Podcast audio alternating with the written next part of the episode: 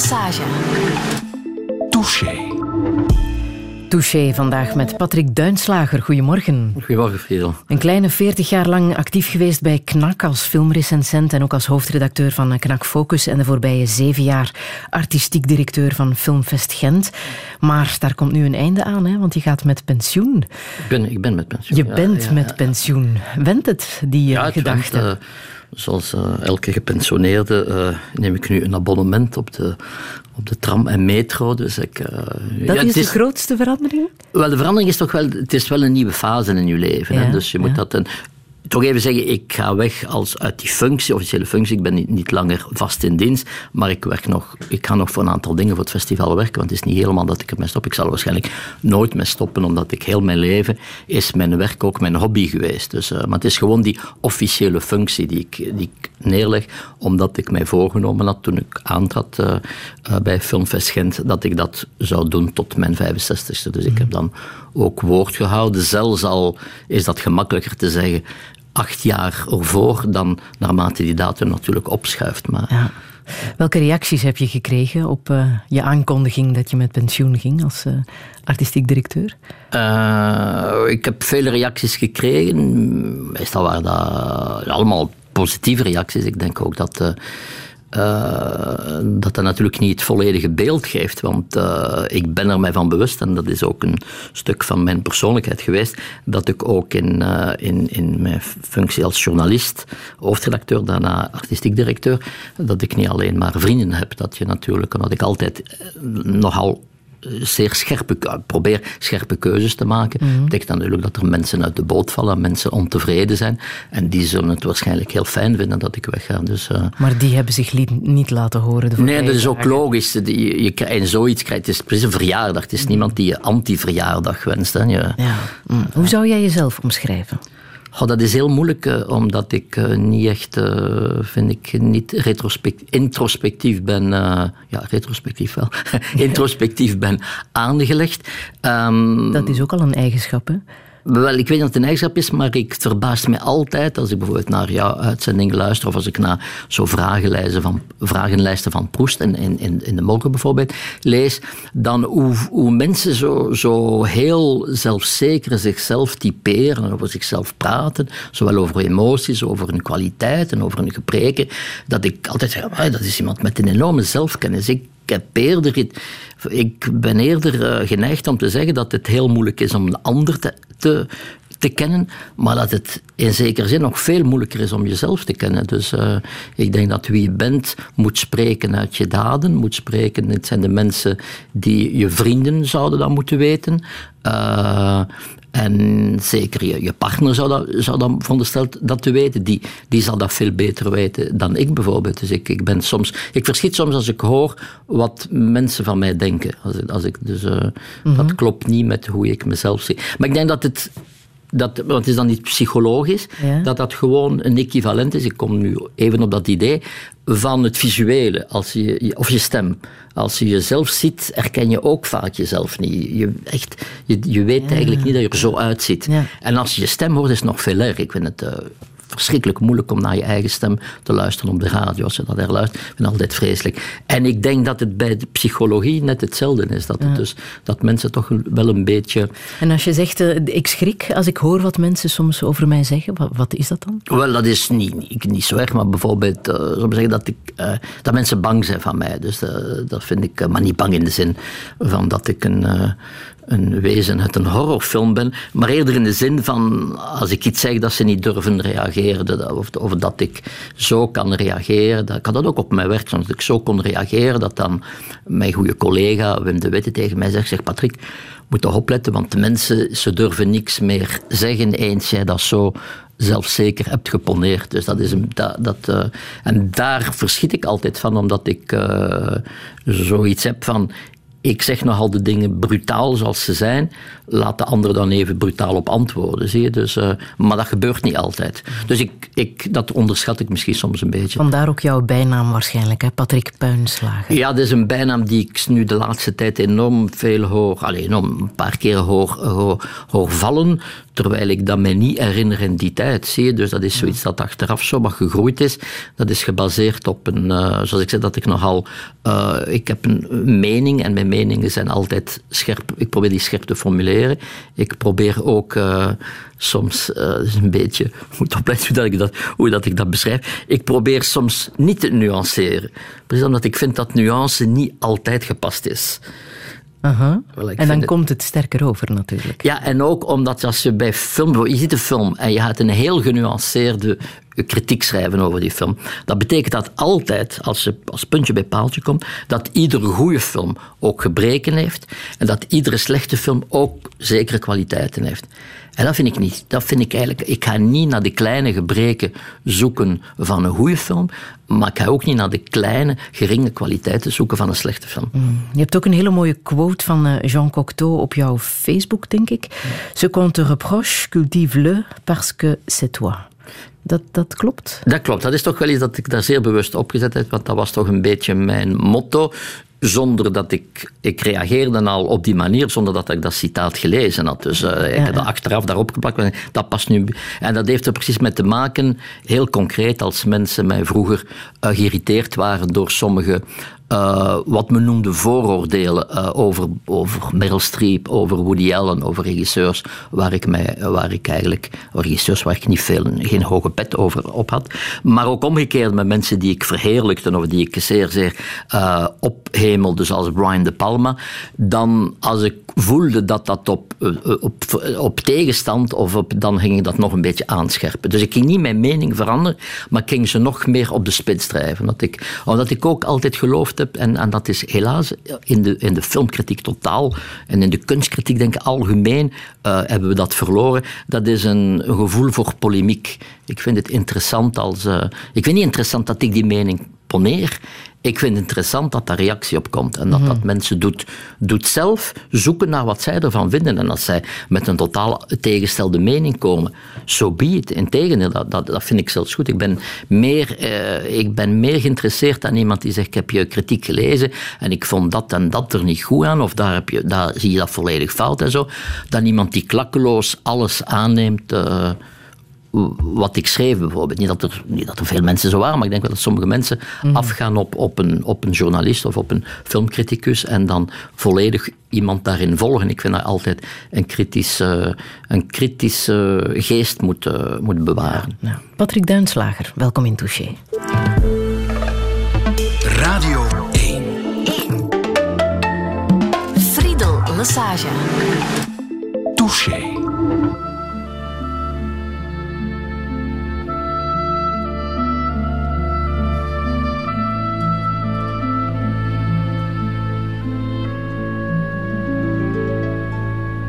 When I was seventeen,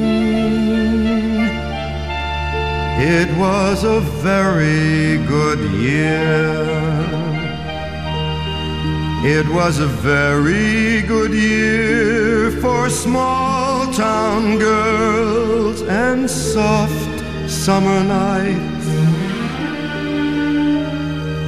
We'd hide from the light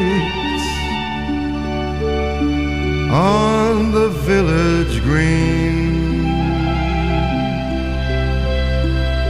When I was seventeen.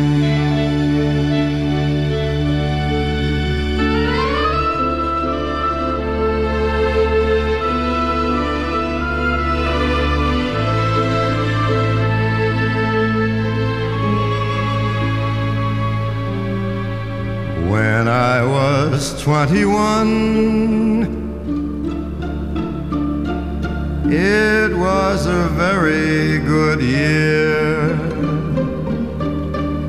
It was a very good year for city girls who lived up the stair with all that perfumed hair. And it came undone when I was 21.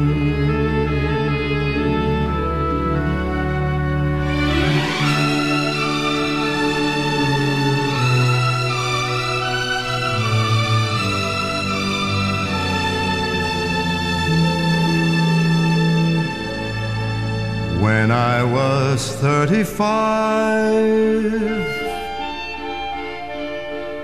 It was a very good year. It was a very good year for blue blooded girls of independent means. We'd ride in limousines, chauffeurs would drive when I was 35.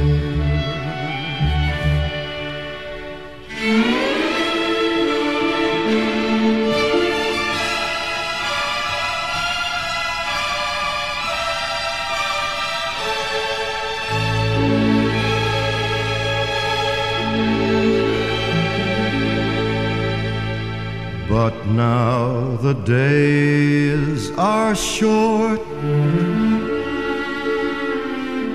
I'm in the autumn of the year.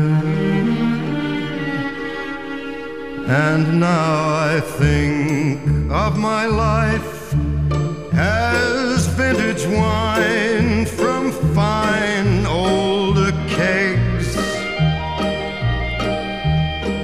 From the brim to the dregs. It poured sweet and clear. It was a very good year.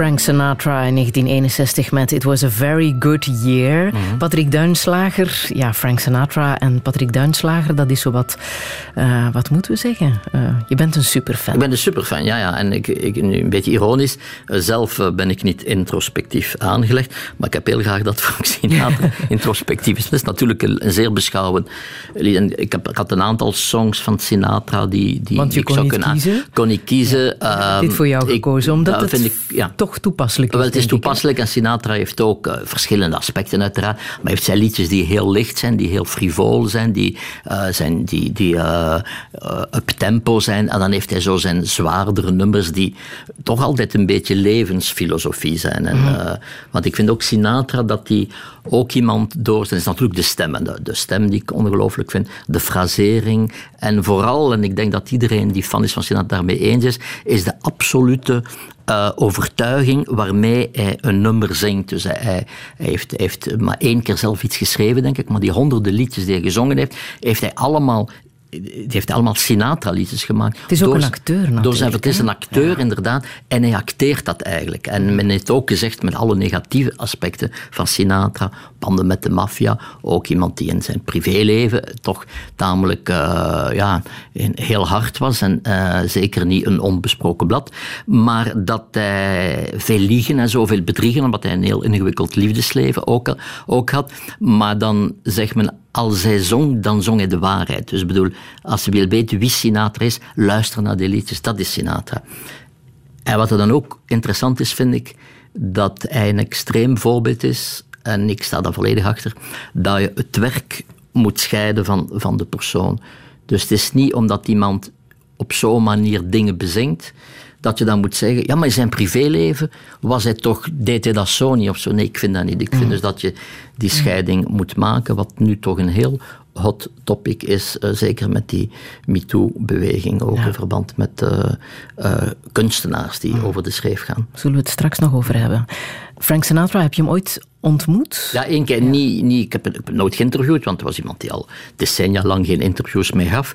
Maar ik heb hem ontmoet op een, een hele goede omstandigheid. Niet ontmoet, eh, een concert eh, bijgewoond in de Royal Albert Hall in, in Londen eh, in de jaren 80, ik denk eind jaren 80 of begin jaren 90. Dat was fantastisch. Dus hij was toen al redelijk oud, maar dus je, je zag niet meer die swingende Sinatra. Maar ook eh, wat je toen ook heel goed zag en hoorde, en wat ook een groot aspect is van zijn, zijn werk, is dat hij door zijn heel lange carrière, die dus van eind jaren, eind jaren 30 tot, tot, tot, tot ver in de jaren 70, 80 geduurd heeft, uh, begin jaren 90 nog, is dat hij ook een soort uh, zijn autobiografie heeft geschreven. Dus zijn liedjes, en als je die liedjes naar elkaar hoort, of, of dan voel je ook heel zijn leven. En is ook de, het stuk de, de Amerikaan, want Sinatra is ook toch wel de incarnatie van de, de American Dream, hè, de, de Italiaanse uh, immigrant, die van zijn ouders waren geïmigreerd naar, naar Italië.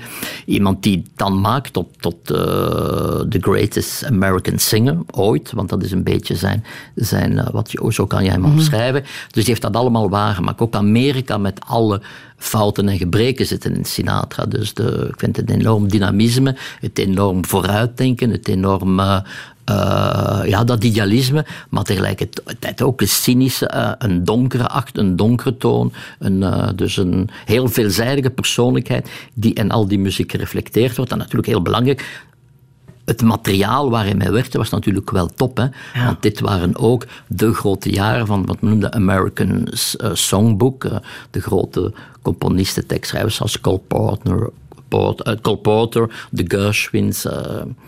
En dit was een uh, reflectief nummer hè, op zijn ja, ja. Uh, liefdesleven.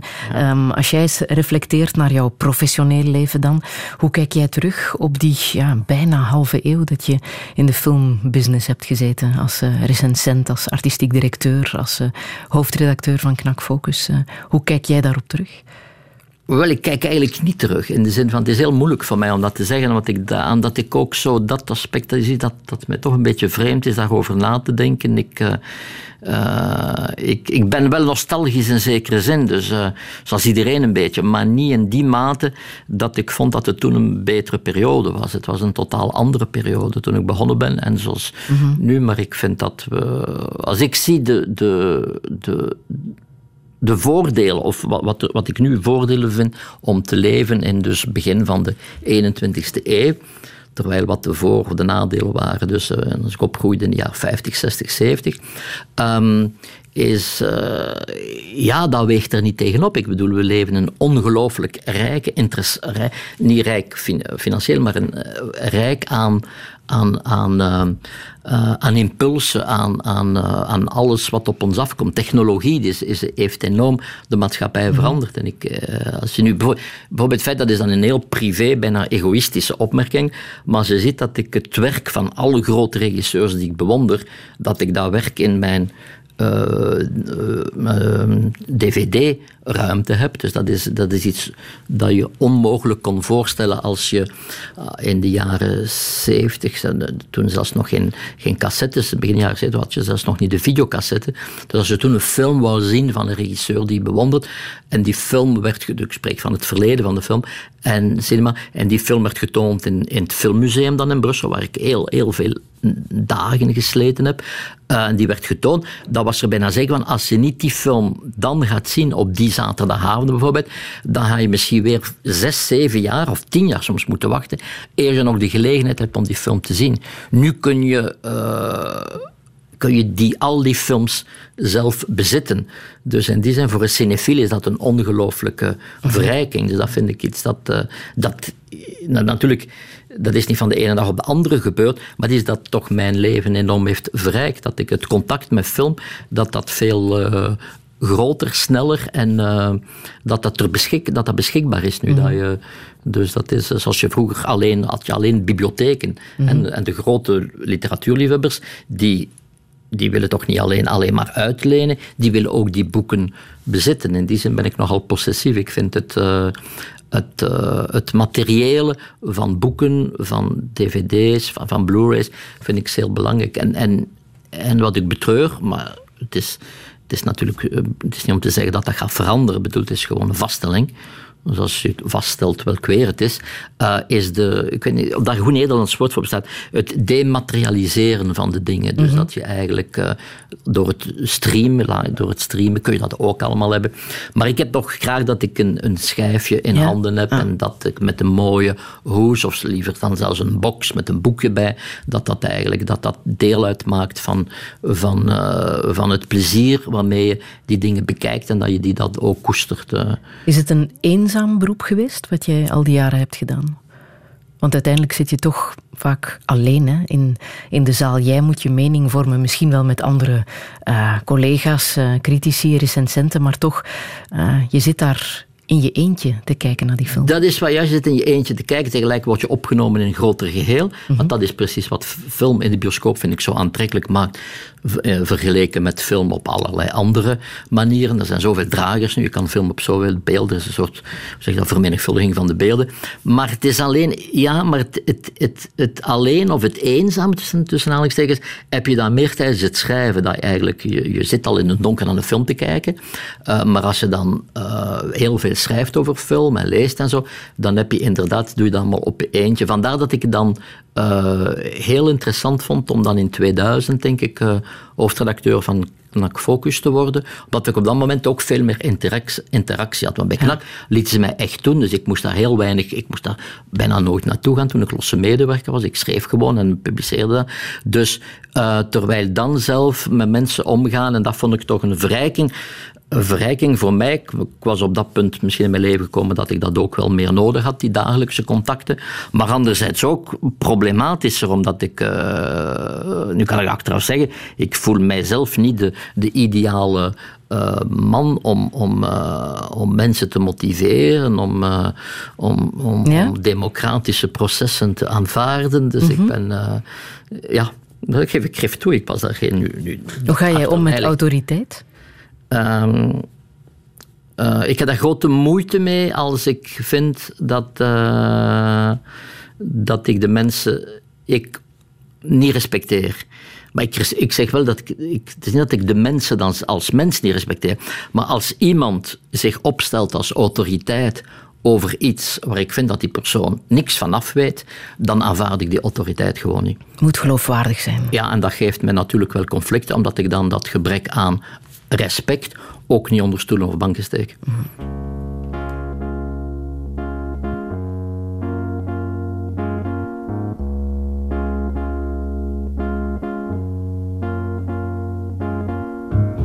You see this guy,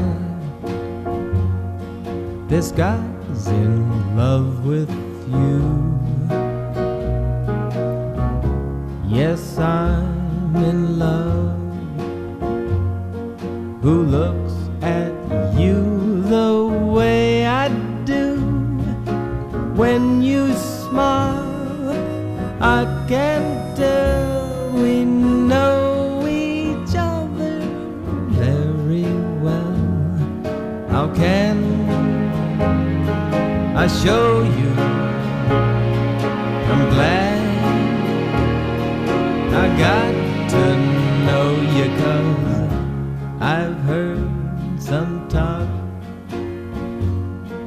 They say you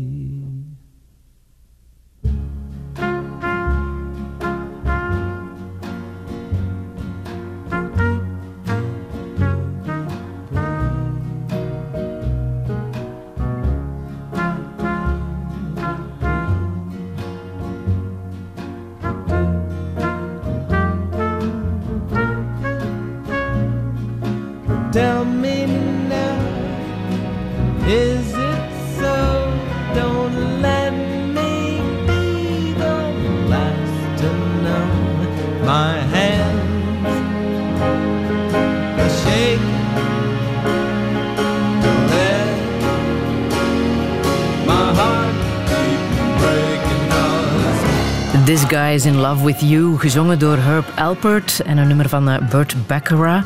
Uh, Patrick Duinslager, uh, het is een nummer uit 68. Toen was jij een puber, hè? Vij ja, 15? 15, ja. ja. Waaraan denk je als je dit nummer terug hoort? Wel, ik denk toen... helemaal niet, geen glamour. Ik was toen, uh, men noemt dat in het Frans, débarrasseur aan de zee. Dus ik werkte uh, in, in zo'n een, uh, café aan, op een terras op de mm -hmm. dijk. café Crèmerie, ijssalon. En uh, de brasseur, dat was dat je de tafels afruimde. Want toen was er nog personeel, was nog, hè, was, uh, was nooit, kon nooit niet genoeg personeel zijn. Dus had de obers, de kelders, maar die hadden ook elk, wat we noemen, de brasseur. Dat waren meestal studenten, jonge gasten die dat deden tijdens de vakantie. Bleken dat je dan, uh, je werd daar niet voor betaald, maar je kreeg daar drinkgeld voor. Dus, en dat was, toen was ik in Blankenbergen en ik herinner mij dat liedje toen in 68. Het past er perfect bij natuurlijk, hè, op een terrasje. Uh, ja, en die muziek is, uh, is ook, het is ook typisch dat ik dat nu, dat ik dat nummer dat het dat nummer is dat ik mij herinner. Omdat we toen volop in de periode natuurlijk zaten van de Beatles. Dat was toen de grote mm -hmm. groep, de Rolling Stones ook, maar vooral de Beatles. Maar ik heb gemerkt dat ik eigenlijk qua muzieksmaak uh, nooit niet echt synchroon met mijn tijd ben geweest. Dus zelfs toen al ging... Dat was natuurlijk muziek uit die tijd. Maar Burt was niet iets waar de, de jeugd naar luisterde. De, dat was eigenlijk muziek voor, voor de ouders of voor, voor oudere mensen. Ja. Wat vonden jouw vrienden daarvan, dat jij zo'n vreemde muziekkeuze had? Uh, uh, wel, ik had heel weinig vrienden, dus ik weet niet goed wat ze van, van mijn. Uh, ik, ging, ik was nogal. Um, ik had een broer, hè, dus uh, ik had een broer, maar behalve dat. Ik speelde niet als kind nooit op straat gespeeld, nooit bij vrienden thuis geweest. Dus ik was altijd nogal op mezelf, in mezelf ge, niet gekeerd, maar op mezelf aangewezen. En ik heb heel snel de cinema ontdekt. Dus mijn moeder werkte als oeuvreuse in bioscopen in, in de randgemeente van Gent, wat we dan zeker een vijftiental cinemas nog in, niet in het centrum, maar daar rond. En Oevreuze, dus dat was iemand die... die ja, met de, bestaat niet meer, hè? Nee, met de, jonge mensen gaan dat niet begrijpen, maar dat, toen had je wat we noemden, je had doorlopende vertoningen. Nu heb je een film en dan wordt de zaal uh, uh, leeggemaakt. leeggemaakt ja, en dan naar buiten. Ja. Maar toen uh, er was dat doorlopende vertoningen, wat, wat wou zeggen dat de mensen niet op een vast uur binnen gingen in de cinema. Zeggen, we gaan naar de cinema. En dan gingen ze naar de cinema en dan gingen ze binnen, paf, terwijl die film al bezig was, een half uur. Die film, dat kon het einde van de film geweest zijn. En ze bleven dan zitten tot ze het stuk zagen dat ze al gezien hadden. Ja, en de dus, oevreuze was zo'n beetje En de oevreuze die moest eigenlijk in, in het donker meegaan ja. met de mensen om zijn plaats. Dat was natuurlijk de jaren dat er heel veel bioscoopbezoek was. Want mm -hmm. dat was, uh, en was het echt zoeken, is er nog ergens een vrije plaats. Want de zalen zaten vol toen in die periode. Mm -hmm. en dus, was... en ik ben toen mee geweest en ik heb heel, heel snel die passie voor film gehad. En dat was eigenlijk... Dat, oversteeg al de rest. Dus was dat ook geen... een beetje een vlucht voor jou? Uit het leven als puber dat je toen had? Waarschijnlijk wel, maar zeker niet bewust, maar waarschijnlijk wel. Omdat ik, ik, maar ik zag dat niet als iets abnormaal of iets ongewoon. Ik, dus het was niet van, oh, ik heb geen vriendjes en ik zou moeten... Na... Nee, ik vond dat gewoon, ik deed dat graag en daar ging mijn hmm. interesse naartoe. Dus was, ik was eigenlijk vrij snel uh, alleen natuurlijk.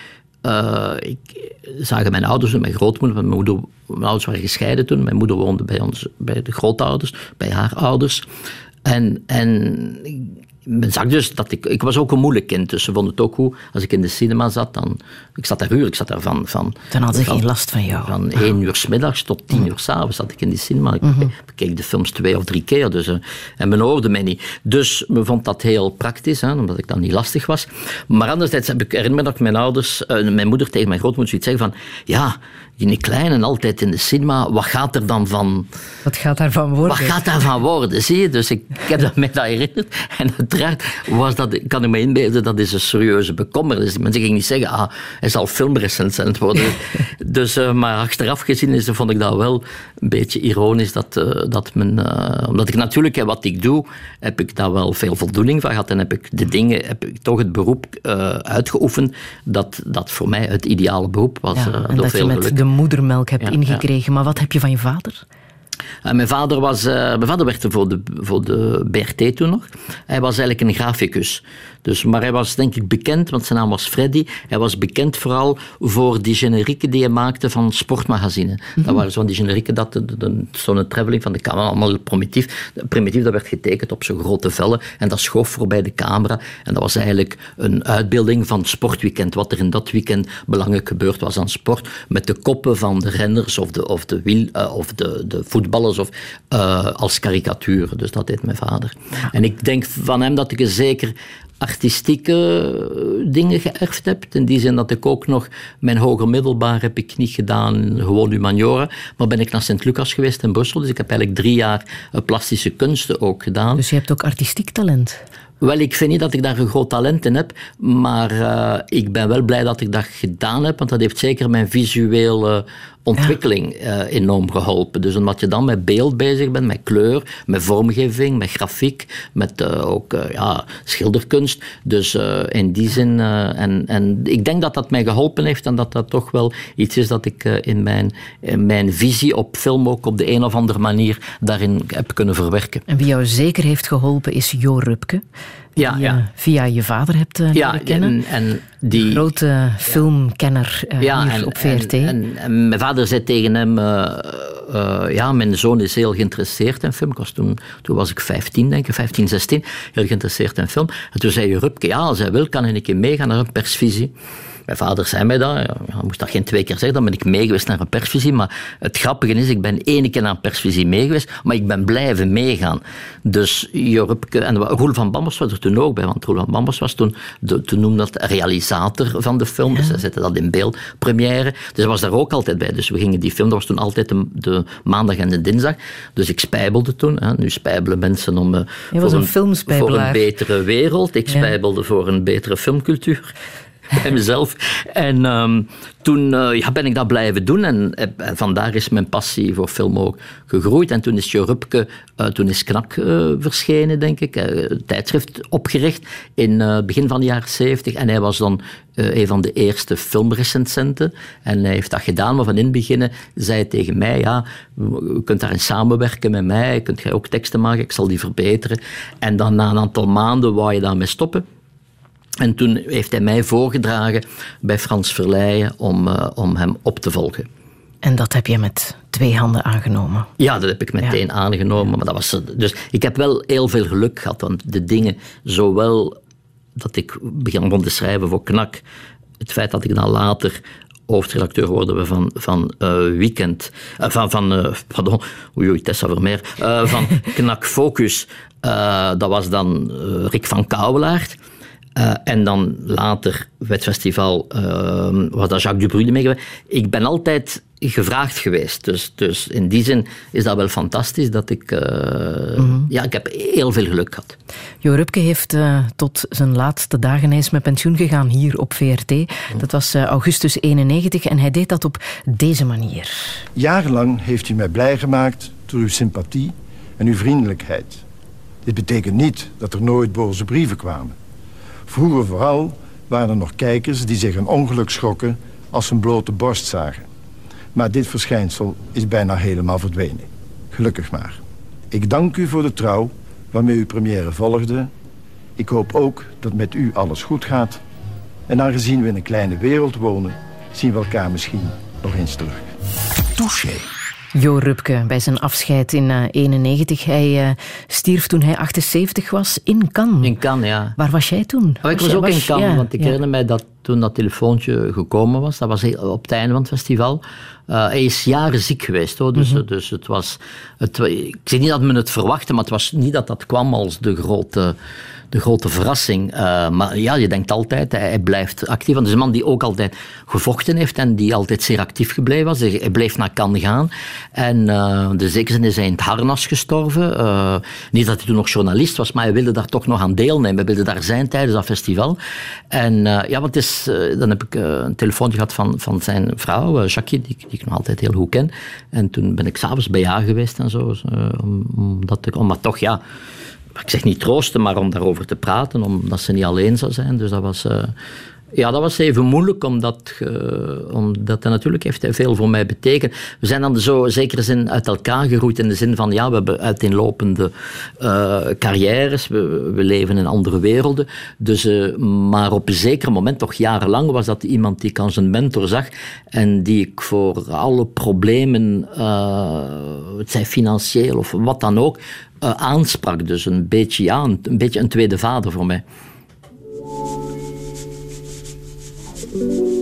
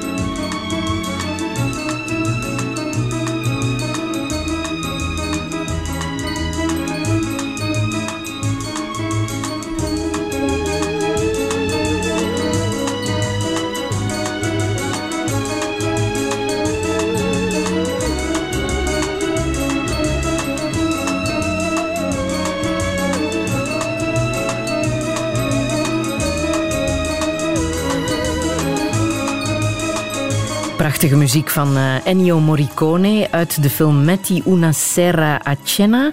Um, een film van uh, Giuseppe Griffi, een film uit 1969. Uh, Vooral omwille van de muziek, niet zozeer omwille van de, de film, Patrick Nee, ik heb de film nooit gezien. Ik denk dat de film heeft niet echt goede recensies gehad in Italië. En ook die regisseur is niet echt een topregisseur. Maar, maar die componist... Maar die componist is... Morricone heeft, denk ik men heeft men is een beetje tel kwijt, maar rond de 500 scores geschreven. Dus is on, ongelooflijk productief. En nu op zijn uh, negentigste staat hij nog in het sportpaleis. Hij heeft nog uh, een van de laatste dingen die hij geschreven is, was voor de laatste film van uh, Tarantino. dus hij is soms nog minder, maar heeft zoveel gecomponeerd. En nog altijd, als ik soms op YouTube zit te luisteren naar Morricone, hoor ik muziek van Morricone die ik niet ken, want er is zoveel dat er bijna niet te behappen is. Maar de creativiteit, de kwaliteit van die muziek, de verscheidenheid, zowel tot jazzachtige scores, exp puur experimentele muziek. Dit, ik weet niet hoe ik dat moet noemen, dit is muziek vind ik die u, die u vrolijk maakt. Je denkt, meteen vind ik aan Italië ook bij die muziek.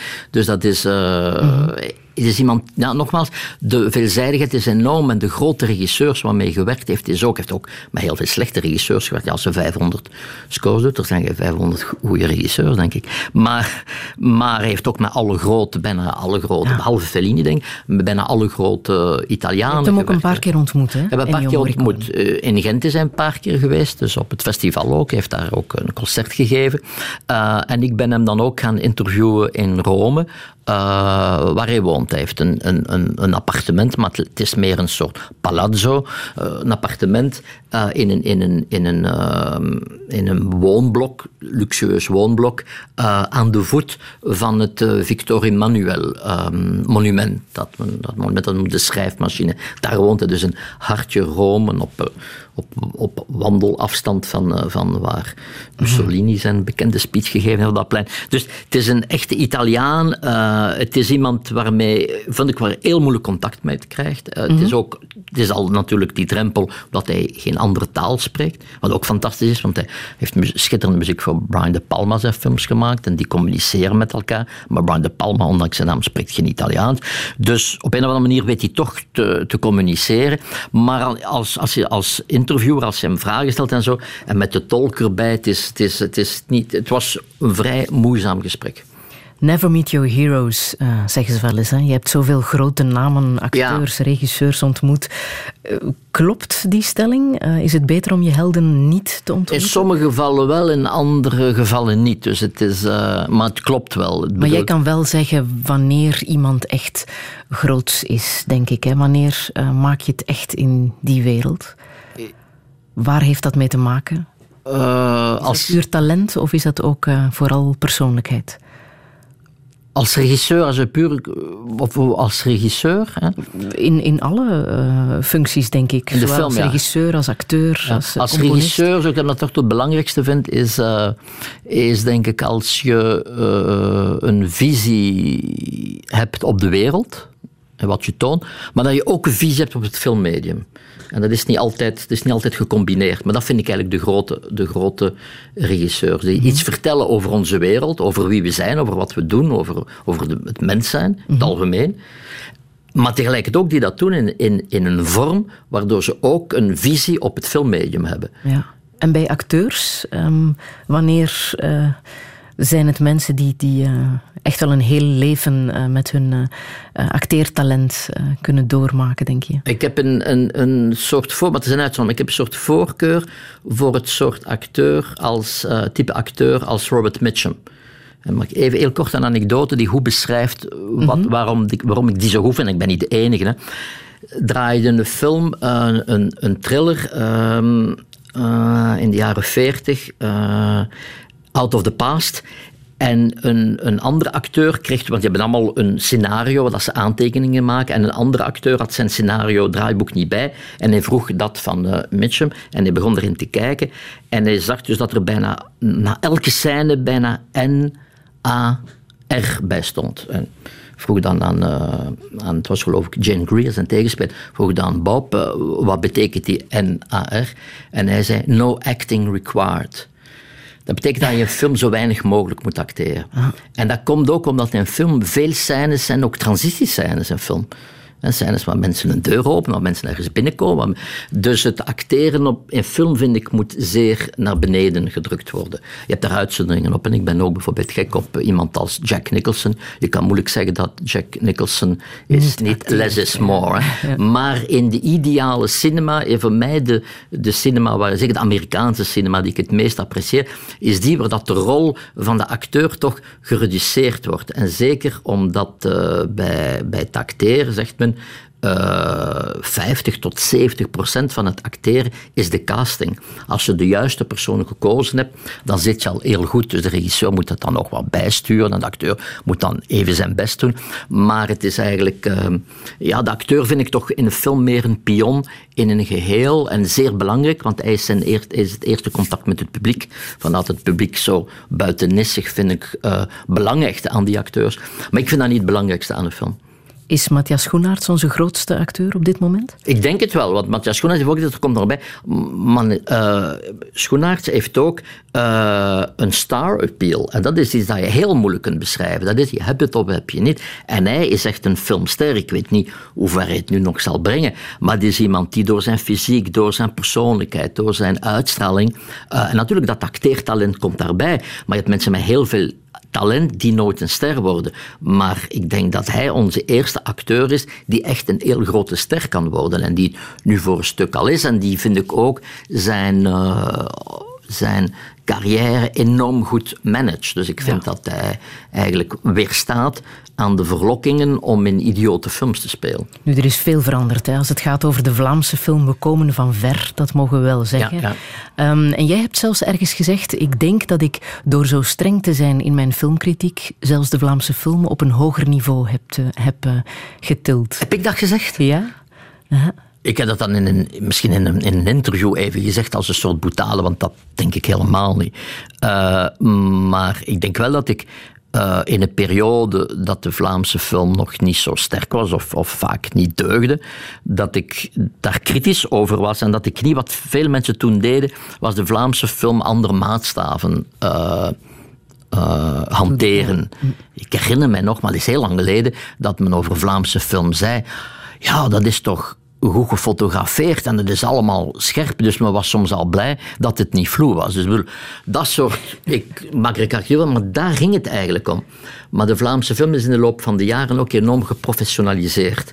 En ik denk ook dat het samenloop van omstandigheden is. Er zijn nieuwe regisseurs uh, natuurlijk, want daar begint het bij. Nieuwe regisseurs opgestaan. En er is een nieuwe generatie, denk ik, die veel meer door de eerste generaties zijn nu, die nu, met, nu zijn de eerste generaties met film bezig, in de Vlaamse film, die eigenlijk volledig uh, door het audiovisuele opgegroeid zijn. Terwijl de vorige generatie was een, was een, een, een, een generatie, zoals mijn generatie die nog literair geschoold is en die dan, want je merkt dat ook in de theorieën over film, die dan die literaire termen in film, dan werd er nog zo onderwezen, hoe maak je de film beelden, dan maak je daar een beeld van. Dus er moest eigenlijk een, een, een inspanning geleverd worden om in beelden te denken. En ik denk dat je nu met die generatie die zo uh, visual uh, ja, geletterd is, een beetje een contradictie, maar visueel geletterd, dat dat ook een, voor een grotere uh, gezorgd heeft. Dus de manier waarop men nu films maakt, is van, op een meer vanzelfsprekende manier. Toen was elke film een lijdensweg, was elke film een probleem tot hij in de zalen geraakt. En nu het zal natuurlijk nog moeilijk zijn om films te maken, want het budget waarover uh, het, het FAF, het Vlaams Audiovisueel Fonds, Fonds, dat de subsidies uh, toekent, ja, natuurlijk, die, dat, dat is duidelijk te klein ook, zeker voor het talent dat we nu hebben. Maar toch, je ziet, er is een, een zekere continuïteit, er is een nieuwe generatie, en ik denk dat dat, ja, dat, dat uh, de, de Vlaamse film ten goede, ten goede is gekomen. Wat is voor jou een goede film? Heb je daar voor jezelf een, een, een definitie voor wat echt belangrijk is? Want je zei zo net, ja, waarschijnlijk is dat uh, artistieke, uh, dat visuele voor mij uh, erg belangrijk. Ja, visueel ben, en zo ook opgevoed. Ja, en visueel is eigenlijk iets anders, want vaak wordt dat, gaan mensen dat gelijk schakelen met, ah ja, mooie fotografie. Maar dat is iets anders. Je kunt films hebben die mooi gefotografeerd zijn, maar die, daar, maar die visueel niet sterk zijn. Bij film is het anders. Het moet een beeldende kracht zijn. Dus je moet, eh, om een heel gemakkelijk voorbeeld te geven, want je hebt ook voorbeelden waar het moeilijker is, is Steven Spielberg. Spielberg is de man die, die, die erin slaagt om, als hij een film maakt, en je voelt dat, dat hij dingen die niet op het eerste zicht cinematografisch lijken, dat hij dat weet in beelden te vatten, zodanig dat die beelden soms later een iconische uh, betekenis krijgen. En als hij dan een film maakt als The Paper, dus gewoon over de, de Washington Post, die, die moet een strijd tussen de, de hoofdredacteur en de uitgeefster uh, om of ze al dan niet de, de Pentagon Papers gaan publiceren, want ze riskeren daar een proces voor, een, uh, zelfs gevangenisstraf dan zeg je, wat, dat is toch geen filmisch onderwerp. En Spielberg maakt dat en hij maakt daar echt een cinema van. Dus hij is zeker zijn natuurtalent die meteen ziet hoe je iets moet visualiseren. En dit is die ingesteldheid die maakt, denk ik, dat je groot regisseur bent. Welke andere kunsten fascineren jou buiten de film? Uh, meest architectuur. Mm -hmm. Dat komt Natuurlijk is dat gestimuleerd door het feit dat mijn vriend architect is, maar ik had dat vroeger al. Ehm, maar nu zeker. eh, en het voordeel is, en ik zeg dat niet met ironie, is dat eh, hij niet echt in film geïnteresseerd is. Hij, hij ziet wel graag films zoals hij Ja? niet in film geïnteresseerd. Wat ik goed vind, want ik denk dat ik alleen zou kunnen leven met iemand die meer weet van film dan mij, of iemand die er evenveel van weet. Maar iemand die er zo'n beetje van weet, dat zou, en die dan ook daarover discuteert, ik denk dat dat zeer moeilijk zou zijn. dus, en vandaar dat mij dat nog meer interesseert. Dus dat vind ik wel een... ehm, er is ook een overeenkomst tussen film en architectuur. In de zin dat, dat de twee kunsten zijn. Maar ze zijn meer dan kunst natuurlijk. Hè. Maar als je ze als kunst beschouwt, is dat ze enorm, enorm aan het eh, moeten beantwoorden aan een efficiëntie. Dus ze, ze moeten aan een functioneel. Dus bij architectuur is dat, is dat overduidelijk. Functioneel, een gebouw dient, heeft allerlei factoren waarom dat gebouw op, eh, gebouwd wordt, die, die, die te maken hebben met functionaliteit. Maar film heeft ook een soort functionaliteit in de zin van dat de modale lange film ongeveer twee uur duurt, dat je verhaal moet vertellen, dat, eh, dat moet niet, maar dat is toch de gewone gang van zaken. Dus je moet ook aan allerlei voorwaarden voldoen, terwijl, ik zeg maar, een beeldhouwer uit om te even wat kan hij zijn beeldhouwwerk maken, dat kan even groot of even klein. Dus er zijn allerlei, er zijn veel minder begrenzingen. Maar bij film zijn er, en bij architectuur, zijn er enorme begrenzingen. Maar dat maakt het ook interessant, die spanning, denk ik. Want dan de, de goede regisseurs en de goede architecten, ja, die weten tegelijk dat artistieke ook nog te verwerken in iets dat functioneel moet zijn. Ooit een boek gelezen dat beter was dan de film? Hmm. Oei, daar moet je over nadenken. Ja, zeker, zeker de Bible niet. Vond ik de film beter. Ehm, ja, ja, eh, ja, natuurlijk. Vrij recent, eh, Call Me By Your Name. Ja? Ja, ik vond dat boek veel beter dan Ja. de film. Ja. Ik vind, uiteraard vind ik de film Een goed. Oscarfilm. Ja. Hoe zeg je? Toch een Oscarfilm, hè? Ja, ja, maar enfin, Oscars wil niks zeggen. Hè. Ik bedoel, Mhm. eh, het zijn heel slechte films die... Ik bedoel, eh, mm, Rocky heeft ook de Oscar gekregen. Hè. Dus, eh, en ook Dus het boek film- lezen, Call Me, Call me By Your ja, Name. ja, ja. Oké, ja, ja. dit is, dit is een, eh, en dat is natuurlijk omdat de, omdat de film, het verhaal gaat natuurlijk over gevoelens. En dat is zeer moeilijk om, dat, om gevoelens en film te beschrijven. Je kan het alleen met beelden doen. Maar die beelden blijven altijd interpretatie en blijven altijd hebben minder nuances dan je dat in, in heel mooie literatuur kan schrijven. Het is een prachtig geschreven boek en het is een heel subtiele, eh, ja, heel subtiele ehm, spel met gevoelens van aantrekken en afstoten en zo. Het is een, ja, een van de beste boeken die ik eigenlijk eh, gelezen heb. Ik wil eh, Ella Fitzgerald nog laten horen met Let It Snow. Je hebt Ah, ja. eh, live gezien? Ja, inderdaad. Dat Klopt. lijkt ja, mij een zeer uniek moment.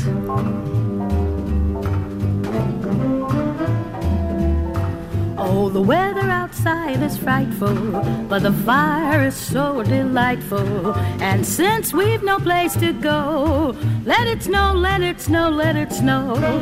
It doesn't show signs of stopping, and I brought some corn for popping. The lights are turned way down low. Let it snow, let it snow, let it snow. When we finally kiss goodnight, how I'll hate going out in a storm. But if you really hold me tight, all the way home I'll be warm. The fire is slowly dying, and my dear, we're still goodbying. But as long as you love me so, let it snow, let it snow, let it snow.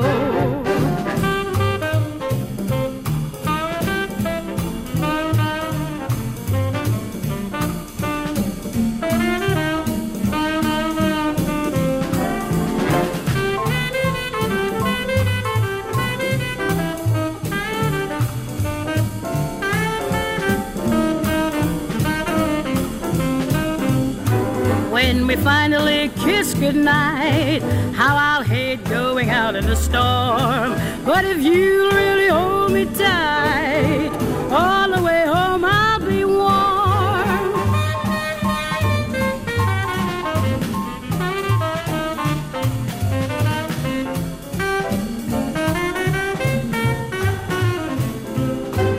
Ella Fitzgerald met Let It Snow, een nummer geschreven tijdens een hittegolf in Californië. Eh, dat eh, geeft meteen weer nadenken over de inhoud van eh, dit nummer. Ehm, we praten zometeen verder na het nieuws van 12 uur met Patrick Duinslager. Tot zometeen. Radio 1. Lesage. Touché. Touché met Patrick Duinslager. Tijdens de voorbije halve eeuw zag hij zo'n 20.000 films. De voorbije zeven jaren waren helemaal vet als artistiek leider van Filmfest Gent. Maar nu de pensioenleeftijd longt, houdt hij ermee op. De Vlaamse film hoeft hem niet langer te vrezen, hoewel zijn snoeiharde kritiek het niveau misschien net boven de lat heeft uitgetild. Of hij de bioscoop echt vaarwel zegt, valt te betwijfelen, want het is en blijft zijn allergrootste passie. Een zeldzame keer is een boek beter dan de film. Maar hoe moet het verder? Heeft de klassieke cinema zijn beste dagen gehad? En wat na Patrick Duinslager? Dit is Touché. Een zeer goede middag.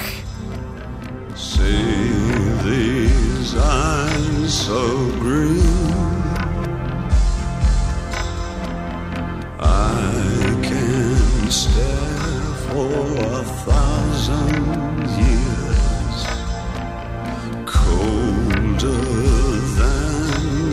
the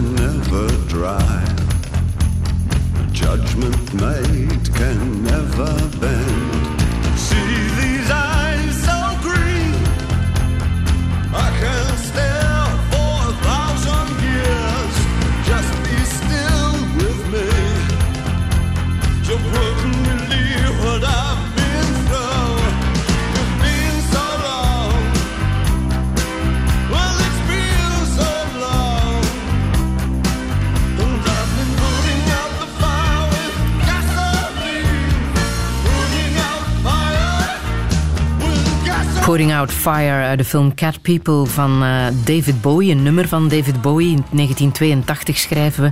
Eh, muziek eh, geschreven door eh, Giorgio Moroder. Ehm, Patrick Duinslager, daar heb jij een zwak voor, hè? Voor eh, dit soort muziek. Ja, ja, het is natuurlijk voor Bowie is het vrij ongewoon, want het is ook een, een, cd een plaat die een beetje zijn filmografie een, een, een, buitenbeentje is tot op zekere hoogte. Maar, maar was natuurlijk de, de absolute top tijdens de, de disco, de, de jaren van de discomuziek, die, die zeer ja, tijd vervloekt is, wat mensen... Maar ik heb daar een zwak voor, omdat het natuurlijk mijn periode is, mijn jeugd, maar mijn periode van uit te gaan vooral. Dus dat was dan de films die je hoorde toen je, toen je, toen je uitging. Dat was die disco-muziek. En um, ik vond dat toen, behalve Morode, vond ik dat eigenlijk vrij slechte muziek of zo. Maar achteraf uh, muzikaal is er zeker veel op aan te merken, disco in het algemeen. Maar wat je daar wel in hebt, is een enorme vreugde en een enorm enthousiasme. Terwijl veel muziek die daarna gekomen is, zeer goed is, maar zo precies die, die zo, je voelt ook dat het komt uit een periode waarin mensen toch met heel veel positieve gevoelens naar de toekomst keken, vind ik. Dat wordt weerspiegeld. En die vrij onnozel, want het is vaak onnozele deuntjes. En, mm maar het heeft een soort vrolijkheid. Die, Was dat bij jou ook zo? dat werd wel aanstekelijk, vind ik een beetje. Dus wat, ik, wat zo gezegd wordt als de leegheid van die disco, ik vind dat niet zo leeg als men dat zegt. Ik vind dat muziek die wel iets zegt over de tijd ook. Mhm. Wat uh, denk jij bij de tijd nu, als je het nieuws volgt? Je zit natuurlijk heel veel in de bioscoop, maar er is ook zoiets als uh, de realiteit. Hè? Mm. Wat is sterker, de fictie of de realiteit? Ik denk dat uh, we nu in een, leven, in een wereld leven waar uh, ja, de, de fictie, nee, de realiteit veel sterker is dan de fictie. Mm -hmm. Ik denk het, je, je, je voelt dat ook um, waarom er zo'n groot, ik denk dat dat daarmee samenhangt, waarom er zo'n grote nood bijna aan documentaires. Er worden veel meer documentaires gemaakt dan vroeger, worden veel meer vertoond, ook op festivals. Je hebt een festival dat al de documentaire film is in Gent, uh, pardon, in Leuven, maar ook wel op ons festival. Ik denk dat we vorig jaar 25 of 30 uh, documentaires hebben getoond, zonder dat we daar speciaal naar op zoek gingen. Omdat er heel veel dingen, uh, documentair kan sneller, natuurlijk een fictiefilm, meer dat, zeker als dat grote producties, eerder in producties en zo, uh, hol je een beetje achter de actualiteit aan. Maar documentaire, ik denk dat er grote behoefte is dat mensen zien hoe de dingen in elkaar zitten. Het nieuws op de, nieuwsuitzendingen zijn zeer belangrijk, maar uiteraard zijn die nieuwsuitzendingen ook iets efemeer en, en ook eh, kunnen ze niet altijd, en ook niet de bedoeling, de afstand nemen, maar het documentaire kan dat wel. En ik denk dat we echt nood hebben aan documentaires, ook aan journalistiek, hè, lange verhalen, die, die, die ons de dingen doen begrijpen. Want er is een groot probleem van, um, doordat nep, nepnieuws bijvoorbeeld, vind ik uh, als ex-journalist, vind ik dat dus ongelooflijk uh, jammer en, en ook heel gevaarlijk. Voor mij is dat een van de gevaarlijkste, een van de meest bedreigende vormen uh, voor de democratie, is die notie van nepnieuws dat gaat samen met alternative truth. Want eigenlijk gaat dat samen. Omdat Vroeger, toen die, die termen, het is niet term, die term had vroeger niet gebruikt, nepnieuws. Het was gewoon, men zei leugens. En als het niet zei, het is niet waar, dat is een leugen. Maar nu de term nepnieuws. Vroeger als mensen, bijvoorbeeld je hebt een debat, een discussie en de ene partij A zegt dit en B zegt dat. Dan had je als kijker het gevoel, en ook wel, niet dat het altijd deed, dat je dan later, als je ging opzoeken, dat je dan toch wel kon te weten komen wie heeft het nu bij het rechte eind. Die dat altijd ging doen, maar er was die mogelijkheid. Er was, die, er was iets van, uh, de waarheid is niet echt relatief. De waarheid is soms de waarheid door die term te lanceren nepnieuws en doordat al die, die, die volgelingen en al die mensen die voor Trump gestemd hebben, veronderstel ik, dat die dat allemaal overnemen, ook die haat tegen de pers, ja, kan je nu alles zeggen en staven met bewijzen, maar het is nepnieuws. En men hoeft er niet, ik hoor nooit bij zeggen, nooit bij zeggen, het is nep nieuws, want dit en dat cijfer is onjuist. Die bewering klopt niet. Het is gewoon een slogan, nep nieuws. En door dat te doen, zeker bij jonge generatie, dan mee opgroeien, dan de, de, de, het misprijzen en het uit de weg gaan van de pers, die, hoe, hoe, als journalist weet ik dat, hoeveel dat je ook de pers kan verwijten en hoe onvolmaakt de pers en de media ook zijn. Uh, het zijn tenslotte ook mensen. Maar dat je daar toch een soort uh, een tegenwicht hebt. We moeten dan toch de vierde macht, dat je toch een, een, uh, een tegengewicht had. Uh, dat, en nu heb je dat niet meer. Allee, dat, dat wordt ongelooflijk ondermijnd. En ik denk dat dat op termijn enorme schade kan berokkenen. Zal er ooit een film gemaakt worden over Trump? Want de Amerikaanse ik, presidenten, er zijn er al wel wat die een biopic hebben gekregen. Ja. Zou dat ook kunnen over ik, Trump? Ik denk het. Dat zou zeker kunnen en dat zal zeker gedaan worden. Maar het zal heel moeilijk zijn, want hoe, omdat Trump zelf uh, een bijna filmisch personage is. En wat hij doet, is precies een, een, een, een, film die, die ja, 24 uur op 24 heb je bijna een film met Trump. Er is altijd wel een, een climax, er is altijd wel een onverwachte uitval. Allee, onverwachte meer omdat je een uitval verwacht. Maar wat de uitval precies is, verwacht je niet. Maar je weet wel dat er een ongelooflijke uitval gaat zijn. De manier waarop hij zich gedraagt, dat hij dat presidentieel ambt volledig uitholt, dat hij dat eigenlijk... De, vulgariteit van, van Trump ook. Ik heb nog niet over zijn, zijn idee, maar gewoon als mens, hoe hij overkomt.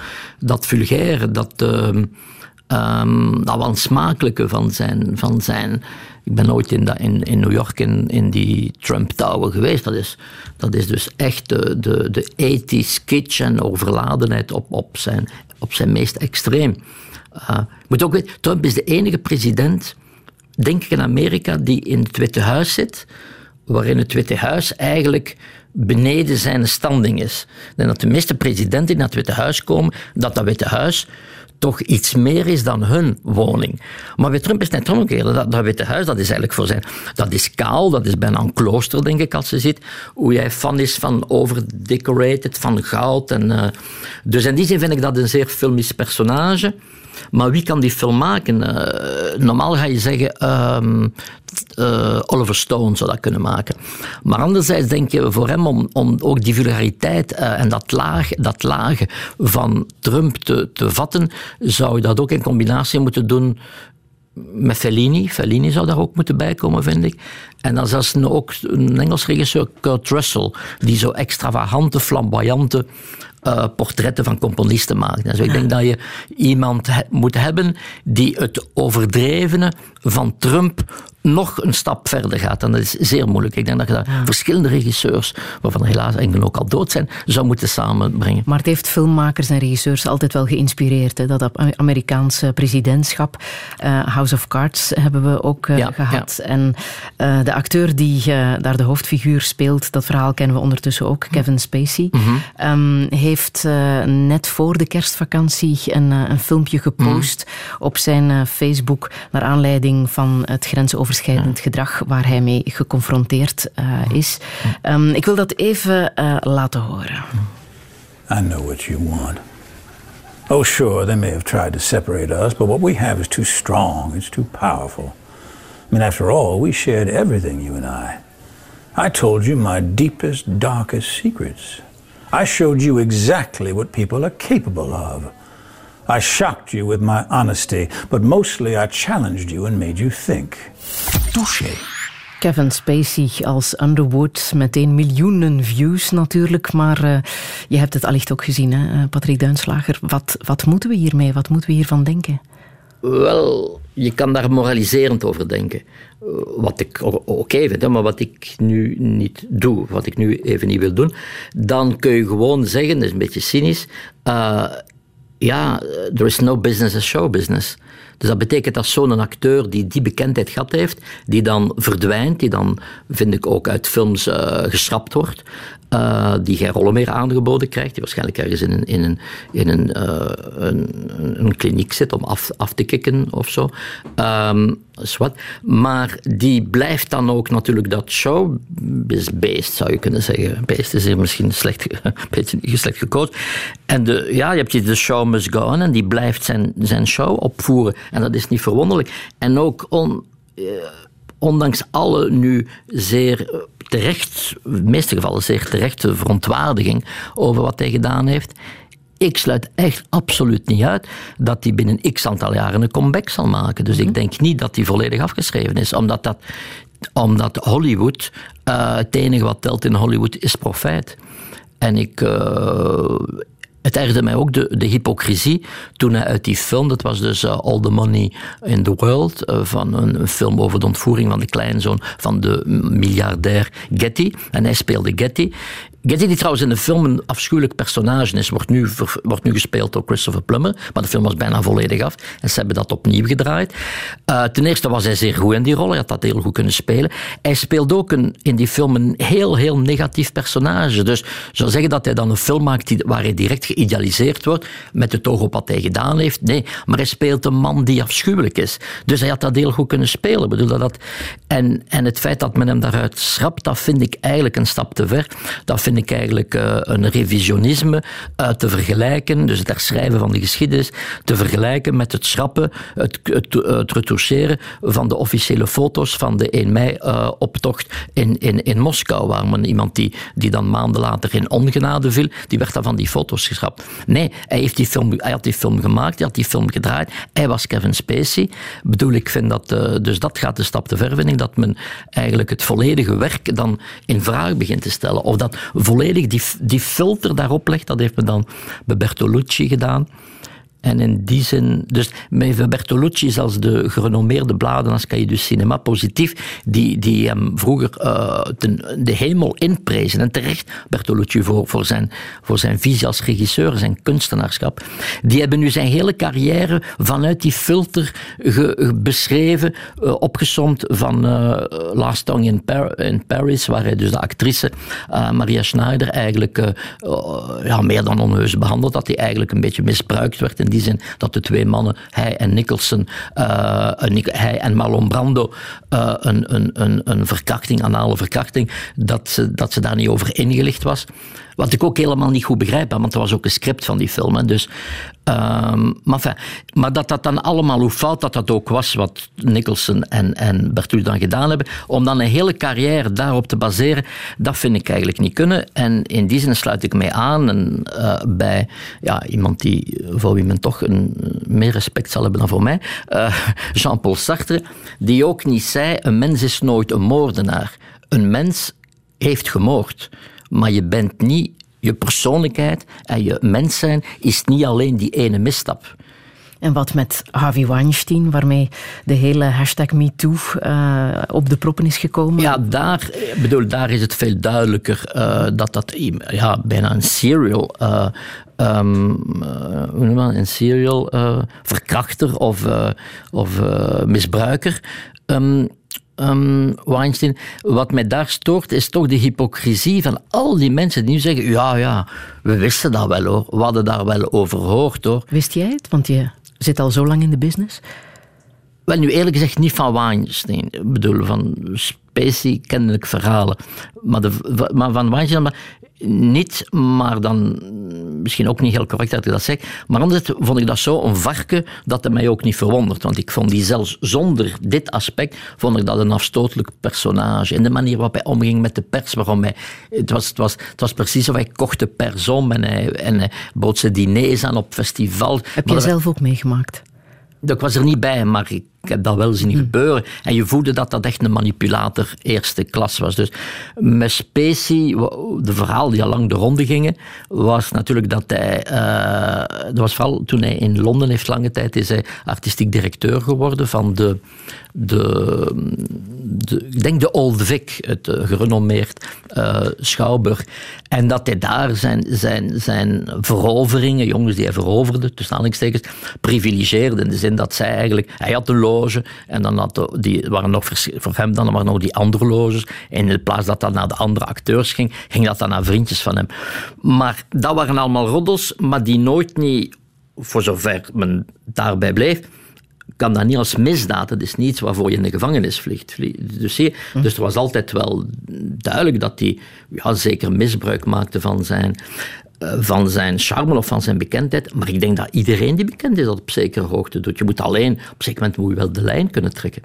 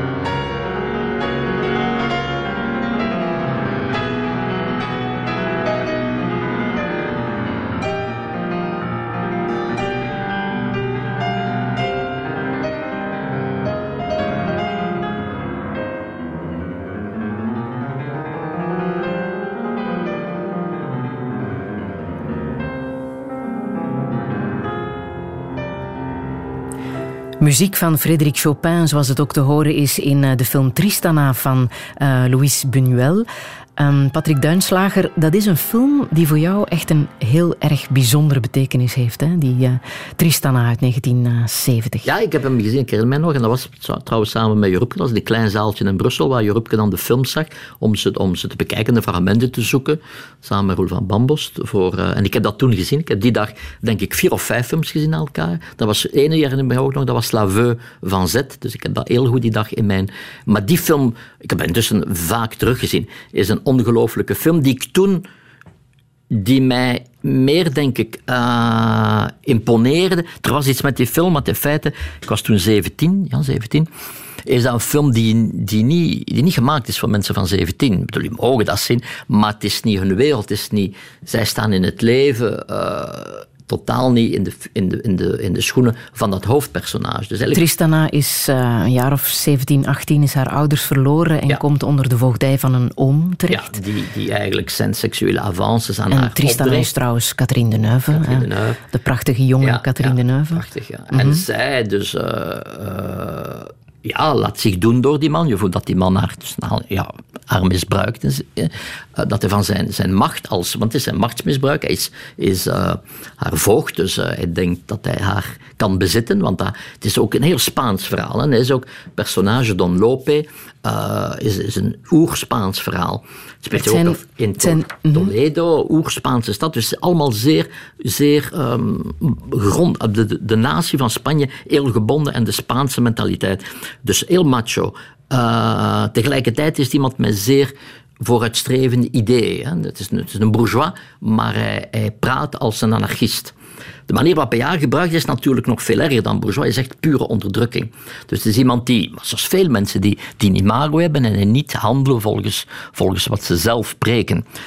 Dan krijgt zij een, een ziekte, haar been wordt geamputeerd, wat, wat, wat heel ongelooflijk, ook van Buñuel, de regisseur, uit, ongelooflijk is dat hij daar Catherine Deneuve voor kiest. Want dan heb je op dat moment Catherine Deneuve, de mooiste Française, de mooiste actrice ter wereld, bij manier van spreken. En die wordt dan voor de helft van de film, zie je die met één been rondlopen. Dus met een kunstbeen en soms nog een keer zonder dat kunstbeen. Dus dat is heel... heel uh, confronterend. Confronterend, ja. dat, dat Buñuel dat durft. Maar dan die man, ze gaat dan terug, ze heeft geen geld meer, geen inkomsten. En hij ontfermt zich over haar. En die man die vroeger haar eigenlijk misbruikte, wordt nu door haar volledig vernederd. Maar hij gaat op al haar, uh, al haar uh, verzuchtingen en al haar, al plagerijen in. Hij, hij doet alles om haar eigenlijk gelukkig te maken in de situatie. Wat heb jij uit die film geleerd dat hij zo lang uh, is blijven zinderen? Wel, ten eerste dat verhaal, maar dat verhaal heb ik pas, de kracht van dat verhaal heb ik pas veel later ontdekt. Dus dat mm -hmm. dat eigenlijk een, een, een heel mensenleven op een ongelooflijke manier samenvat en heel extreem. En, um, en dat het toont dat iemand die eigenlijk iets ik, bijna crimineel is en dingen doet, dat hij uiteindelijk een van de mooiste uh, opofferingen voor liefde doet. Dus dat dat eigenlijk een subliem einde is, want zij zorgt er ook voor dat hij sterft. Um, maar er zijn er twee scènes die mij zo bijgebleven zijn. Er is één scène waarin, en dat ik zeg, ik, wil, ik, ik kan het toevoegen, dat moet ik onthouden en volgens die principes wil ik ook voor een stuk leven. En maar die zijn? Is, Eén is gelukt en het andere niet. Het ene is dat uh, zij zien of zo dat er, er is iemand, uh, jonge gast, die heeft iemand overvallen. Een roof van een zak, van een, van een handtas of zo. En uh, die loopt hen voorbij. En in Toledo, heel smalle straatjes. En die slaat dan bijvoorbeeld rechtsaf. En dan komt de politie, de, de, het is ook daar civiel uh, afgelopen, want die zijn, zijn op zoek. En die vragen dat iemand zien, zien wegrennen. En hij zegt, ja, is links en hij wijst naar links. Dus hij wijst de politie op het verkeerde, stuurde op het verkeerde pad. En dan, zij zegt, ja, maar waarom doet je dat? Zegt zij. Want hij is ook een vader en is ook iemand die haar levenslessen geeft. En parallel met dat misbruik, met dat misbruik natuurlijk. En hij zegt tegen haar, omdat je altijd in het leven moet kiezen tussen de zwakken, voor de zwakken. En op dat moment is de dief die achtervolgd wordt door politie, door het eigenlijk, hè, op dat moment is zijn dat de macht, is de zwakke vuur, dat moet je altijd doen. Daar heb ik niet altijd naar geleefd. En dan is er een andere scène. Um, Um, wat natuurlijk prachtig is, totdat iemand je auto steelt. uh, maar die andere scène, dat vind ik wel, dat is, compactje, zij uh, is Tristana, als ze ziet, twee keer is dat mijn steentje, stond twee steentjes op elkaar gelijken. En ze vraagt dan iemand, eh, welk steentje verkies je? En, hij, en die, die zegt, ja, maar die steentjes zijn alle twee hetzelfde. En ze dan ook later met zuilen, twee, dezelfde galerijzuilen. En ze zegt, nee, dat is niet waar. Twee dingen zijn nooit hetzelfde. Je moet altijd een, een keuze maken. En dat heeft mij wel gemarkeerd in de zin van ook, eh, het is dan misschien een beetje ver gezocht, maar in filmbesprekingen en zo, dat je keuzes moet maken. Dat je moet eh, zeggen, nee, dat is goed, dat is ook een beetje goed. Nee, je moet eigenlijk zeggen, je moet keuzes maken. Je moet, En de, de twee dingen zijn nooit hetzelfde. Er is altijd iets dat beter is dan het andere. Ehm, wat je zei, het is een zeer conservatief beeld dat we krijgen tussen de man-vrouw verhouding. Ik weet niet of er in 1970 al films over homoseksualiteit eh, werden gemaakt. Dat Ja. moet ik aan jou vragen. Ja, ja, ja, Ja? De, de, de- in Amerika, alleen in Hollywood, die, maar een zeer negatief beeld. Dus het, was, eh, het was bijna altijd in zelfmoord. Wat dus altijd, enfin, niet altijd, maar toch heel, heel veel. Dus eh, ja, er waren een paar eh, Boys in the Band is zo'n film over een vijf van homo's. Die, die, en dat is heel hard, het is een film van Friedkin. Dus dat zit vol zelfhaat ook. Dus dat, dat was een heel negatief beeld in de Hollywoodfilm. Hoe wist jij dat je eh, homoseksueel was? Ik, hoe ik dat wist, ik heb dat. eh, ik was een vrij laat bloeier, denk ik. Ehm, maar toen ik het bewust erkende, denk ik, was, moest ik toegeven dat ik waarschijnlijk al veel langer wist. Zie je, maar het niet. eh, maar het is ook niet zo simpel. Ik voel niet dat ik daaronder geleden heb. Ehm, maar ik heb het al later wel goed gemaakt. Ehm, is dat. Het was ook een tijd waarin je weinig voorbeelden had. Zie? Dus ik herinner me die uitzending, fameuze uitzending met Willem Verdi. Dus op televisie, dat was, dat was inderdaad, maar dat schokte de mensen enorm. En daar werd vaak heel slecht over ge- gesproken. Dus dat was, dat was niet van dat je dat zegt, zag en dat je zegt, oh la la, nu. Dus ik, ik vond dat dat voor mij lang in, iets, in het verbodene gezeten heeft. Dan moet ik daar wel iets aan toevoegen dat ook eh, misschien niet iedereen zal appreciëren, is dat eh, het feit dat in het verboden zat, dus dat, dat ik zeg nu het verboden is precies eh, eh, van Geluwe, die ook, het, het, nee, wat is het? Het verborgene. Het verborgene, hier is het. het ehm, dat, moet ik zeggen, voor iemand die, die in het platteland woont en die, en die totaal geen, niet doordringt tot de stad en die, die, die eigenlijk in, in een ik zeg niet dat hier een kleinzielig is, maar in een, in een bekrompen gemeenschap zit, was dat natuurlijk heel erg die jaren, omdat, omdat je zoveel taboes had. Maar voor iemand zoals ik, die daar eigenlijk persoonlijk geen probleem mee had, als anderen daar een probleem mee hadden, was dat een zaak. Ik was daar heel vrij nuchter in. Maar dat dat dan, heel die wereld toen, dat dat eigenlijk allemaal verborgen was. En dat dat was eigenlijk een soort ghetto. Maar dat was ook een, een, een wereld met zijn eigen codes en eigen... Dus, eh, en daar moet zeggen dat ik daar wel van in zekere zin genoot. Dat, dat, zo, dat je tot een groep behoorde die buiten de maatschappij staat. Zie En hoe ver ging dat dan? Had ja, dus, dat ging ver. Ik bedoel niet dat dat allemaal zo, zo- dat er zeer rare dingen gebeuren. Maar ik bedoel gewoon dat je als een bar ging, die bar was ergens in een steegje, die club, en, en niemand wist dat eigenlijk zo was zijn. En dat was, je moest bellen om binnen te gaan. Eh moest, was, moest privé, ze moesten soms je identiteitskaart hebben, omdat het privé moest zijn. Dus, en het, had allemaal, eh, het was allemaal verborgen. Je had clubs en daar ontmoet je elkaar. Dus, En wanneer is de kentering gekomen dat je het gevoel had dat die geheimhouding of dat verborgene niet meer, niet meer hoefde?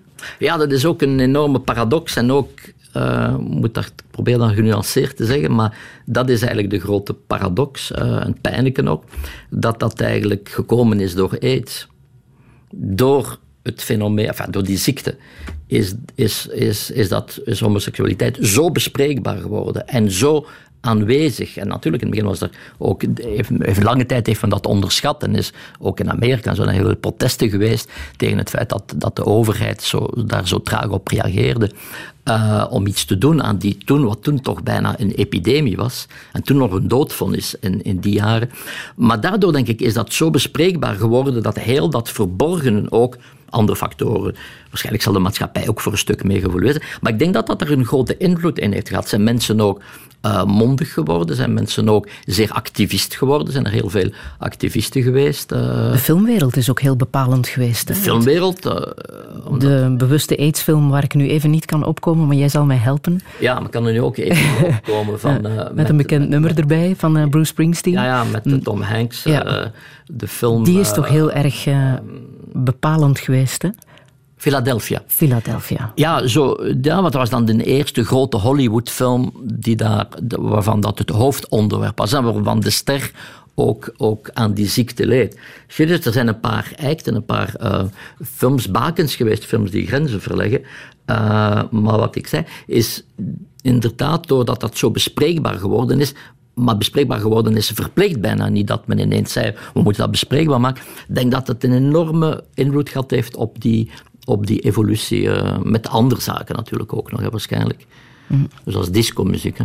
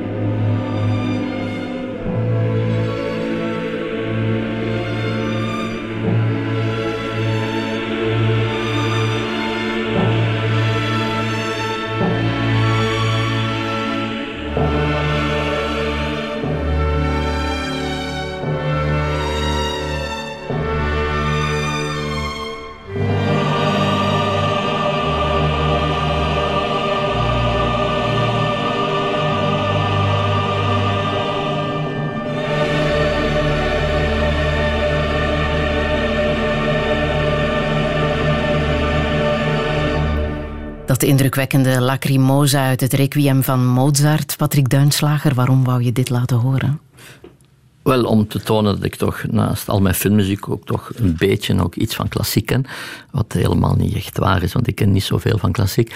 Maar eh, dat, ja, dat, eh, die muziek heb ik ook leren kennen via een film in, in 69 van... Uh, 68, pardon, van Pasolini, Theorema.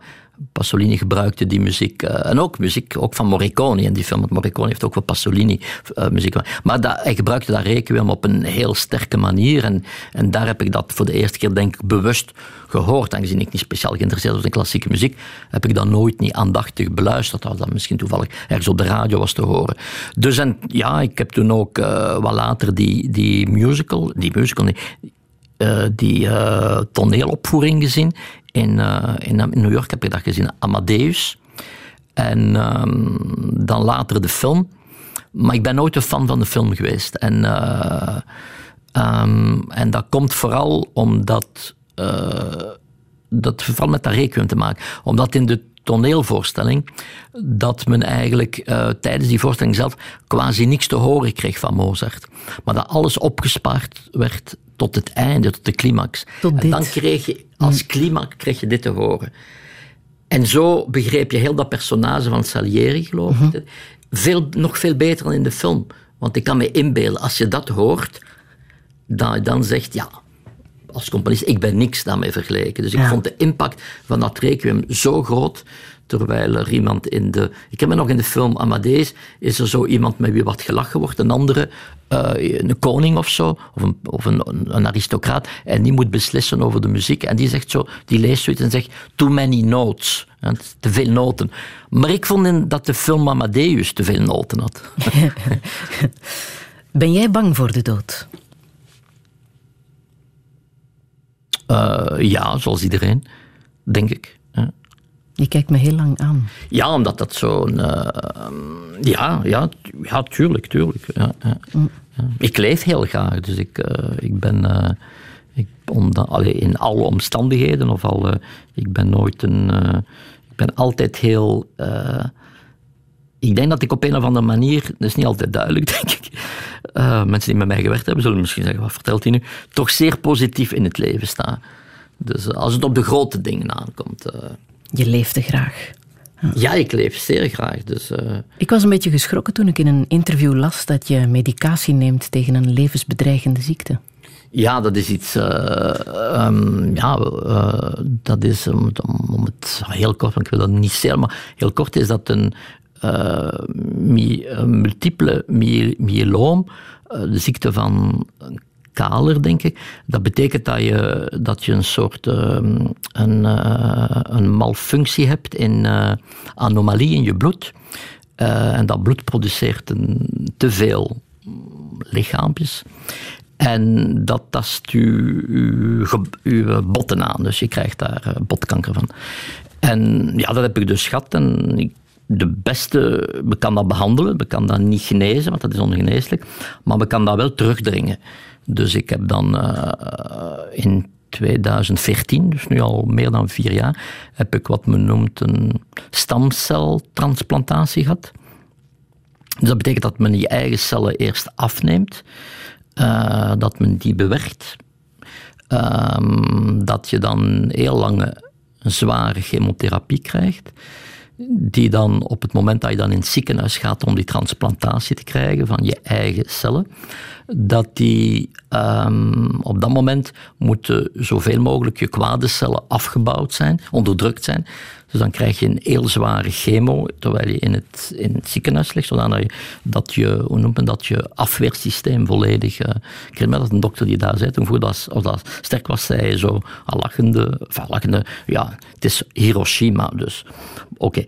Um, dan krijg je die transplantatie. Dat was, en dat was net in oktober tijdens het festival. Dus ik ben eigenlijk na de persconferentie voor het festival. Dus ik heb heel het programma mee kunnen maken.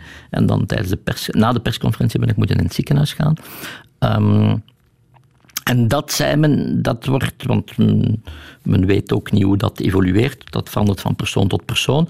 Maar zei men, dat is eigenlijk de behandeling die het, die het meest kans heeft op een langdurige uh, genezing. Het is niet echt genezing, op een langdurig ehm, onderdrukken van, van die ziekte. Dus uh, aangezien dat nu al meer dan vier jaar is, vind ik dat wel oké. Uh, men neemt voldoende cellen af zodanig dat men dat twee keer kan doen. Dus zodanig als het nu zou terugkomen, dat ik dat dan nog even kan doen. Uh, ja, dat is het. En ik, een, een geluk bij een ongeluk. Uh, ik, ik ben daar eigenlijk nooit zwaar ziek van geweest. Dus ik heb uh, al die chemotherapieën, want ik was, ik was aan het werken, hè, behalve die drie weken in het ziekenhuis. Ik heb altijd gewerkt, terwijl ik al chemo en ook vroeger met bestralingen. Uh, want ik heb dat gekregen vrij snel toen ik voor het festival werd in 2012 al. Dus ik was er amper enkele maanden.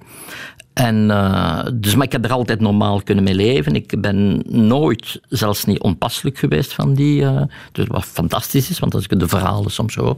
Dus uh, zeg ik altijd, ja, ik heb. daarin heb ik dan wel geluk gehad. En misschien ook als andere mensen die daarna luisteren. Ja, dat je met kanker elk geval is anders, hè, maar je kunt daar wel mee leven. Hè, in sommige gevallen. En, en, en heel goed. Hè, in die zin dat ik daar, uh, mijn enige dat ik daarvan heb van, van handicap, is dat van die chemo, is dat de, de, de, uh, de zenuwen in mijn tenen die zijn afgebroken, zodanig dat ik bijna geen gevoel in mijn tenen heb. Wat betekent, ik ik stap en is geen probleem, maar dat ik goed oplet, want ik heb het goed dat ik niet zeer vast op mijn benen sta. Mhm. Als ik een trap uh... op ga, ga ik de leuning nemen en zo, maar ik wandelen. Dus dat is een beetje... Voilà, dat is misschien een langer antwoord dan... Heb je het mentaal moeilijk gehad met dat idee? Um, ja, ja, kan niet, niet flauw nu. Ja, ja, mentaal moeilijk, ja, maar dan anderzijds, omdat dat zo gegroeid is, hè, dus, dus ik heb eerst die eerste stap gehad. Het is allemaal zo langzaam gegaan. Enfin, langzaam, toch wel in enkele maanden. Maar ja, ja natuurlijk is dat moeilijk, maar... Uh, ja, zijn mensen die zo zeggen, ja, je, moet vechten. Ja, je moet vechten. Ja, oké. Maar het is zo precies dat je een keuze hebt. Je kunt niet anders dan, tussen aanhalingstekens, vechten wat is het alternatief? Dus in die zin vind ik, niet, vind ik het ook niet heroïs om, om te vechten. Of om, uh... En nogmaals, het, het eigenaardige is dat ik daar zeer veel, dat ik daar bijna geen hinder eh, van ondervind. Dus uh, wat het natuurlijk zeer aangenaam maakt, maar wat het ook uh, nog maakt, dat ik nog altijd kan wakker worden en, en dan ja, ik heb wel een serieuze ziekte. Zo, want, want het, mm het uit zich niet, uh, behalve dat ik medicatie moet nemen elke dag natuurlijk. Je bent ondertussen 65 geworden en bewust met pensioen. Uh, mm -hmm. Heb je dan een, een uh, lange bucketlist? ziet dat er anders uit als je met die gedachten leeft? Nee, nee, nee, dat is iets dat ik. En ook zo, als je dat voor hebt, dan, dan, dan ga je al de kleine dingen hebben dan niet zoveel belang en dingen waarvan je nu zit te vitten en op te winden. Nee, ik wind me nog altijd even op als ik achter het stuur zit, eh, als ik eh, op de roltrap sta en de mensen blokkeren omdat je niet kunt doorlopen en zo. Dat heeft mij zeker op dat vlak niet veranderd. Dus ik, uh, nee, het is, het is misschien een zekere vorm van ontkenning, ik weet het niet, maar, maar je moet op een of andere manier de, een knop hebben om dat uh, niet uit te schakelen, maar om dat toch te zeggen, dat zit daar, dat is daar. Maar anderzijds heb ik mijn leven en zoals ik zeg, ik heb het geluk gehad dat dat mij niet, uh, ja, mij niet, hoe zeg je, geen handicap is. Mm-hmm. dus, dus in die zin, want ik, ik, ik, ik zou ook niet zo willen dat iedereen die, die nu niet hetzelfde geluk heeft om daar, om, om, om, om, om uh, op die manier te reageren, of dat lichaam, want ik, het is mijn lichaam die reageert, uh, dat hij dan iets fout heeft gedaan, zie je, want je moet daarmee opletten. Elk geval is verschillend, maar uh, voilà. Wat is jouw levensmotto? Mijn levensmotto is, uh, wat is dat? The, show must go on. Dus uh, dat is altijd mijn levensmotto geweest. En ja, dat, dat, dat klopt, ja. Dat klopt hier nu ook wel, ja. Ik ben ja, je blijft doen wat je graag doet en je blijft uh, genieten van de dingen dat je kan genieten. Uh, dus dat is wel heel belangrijk geworden, maar ik, ik, uh, ik zie het niet als zo. nu moet ik absoluut mij inschrijven om naar de ruimte te gaan. Allee, ik, heb, ik heb ook geen enkele droom. Bedoel, van, ik ben daar nog niet geweest. Ik ben absoluut na dagen. Nee, ik ben altijd... Ik heb al de dingen die ik, die ik gedaan heb, zijn de dingen die ik wil doen. Dus... Dus uh, kan ik jou nog plezieren met muziek van Georges Delerue? Hmm. Grand Choral, uh, La Nuit Américaine. Uh, waarom wou je dit uh, laten horen? Wel, Delerue is super Franse componist, is intussen ook al overleden. En hij maakt misschien wel, toen ik zeg, de mooiste filmmuziek. Zijn filmmuziek is ongelooflijk mooi. Van, van, een grote schoonheid als ze dan naar luistert. En, dit, en natuurlijk was hij de, de componist van François Truffaut. Voor hem heeft hij heel veel soundtracks gemaakt. En uh, La Nuit Américaine is ook een hulde aan de cinema. Het is een film over het film maken. En, uh, en Truffaut speelt daar zichzelf. Hij maakt de film in de studio Victorine. En dat thema daaruit, dat een beetje uh, Vivaldi-achtig is, pastiche, is zeer opgewekt, is zeer vitaal en is zeer, uh, ja, vind ik zeer, daarom zeer mooi.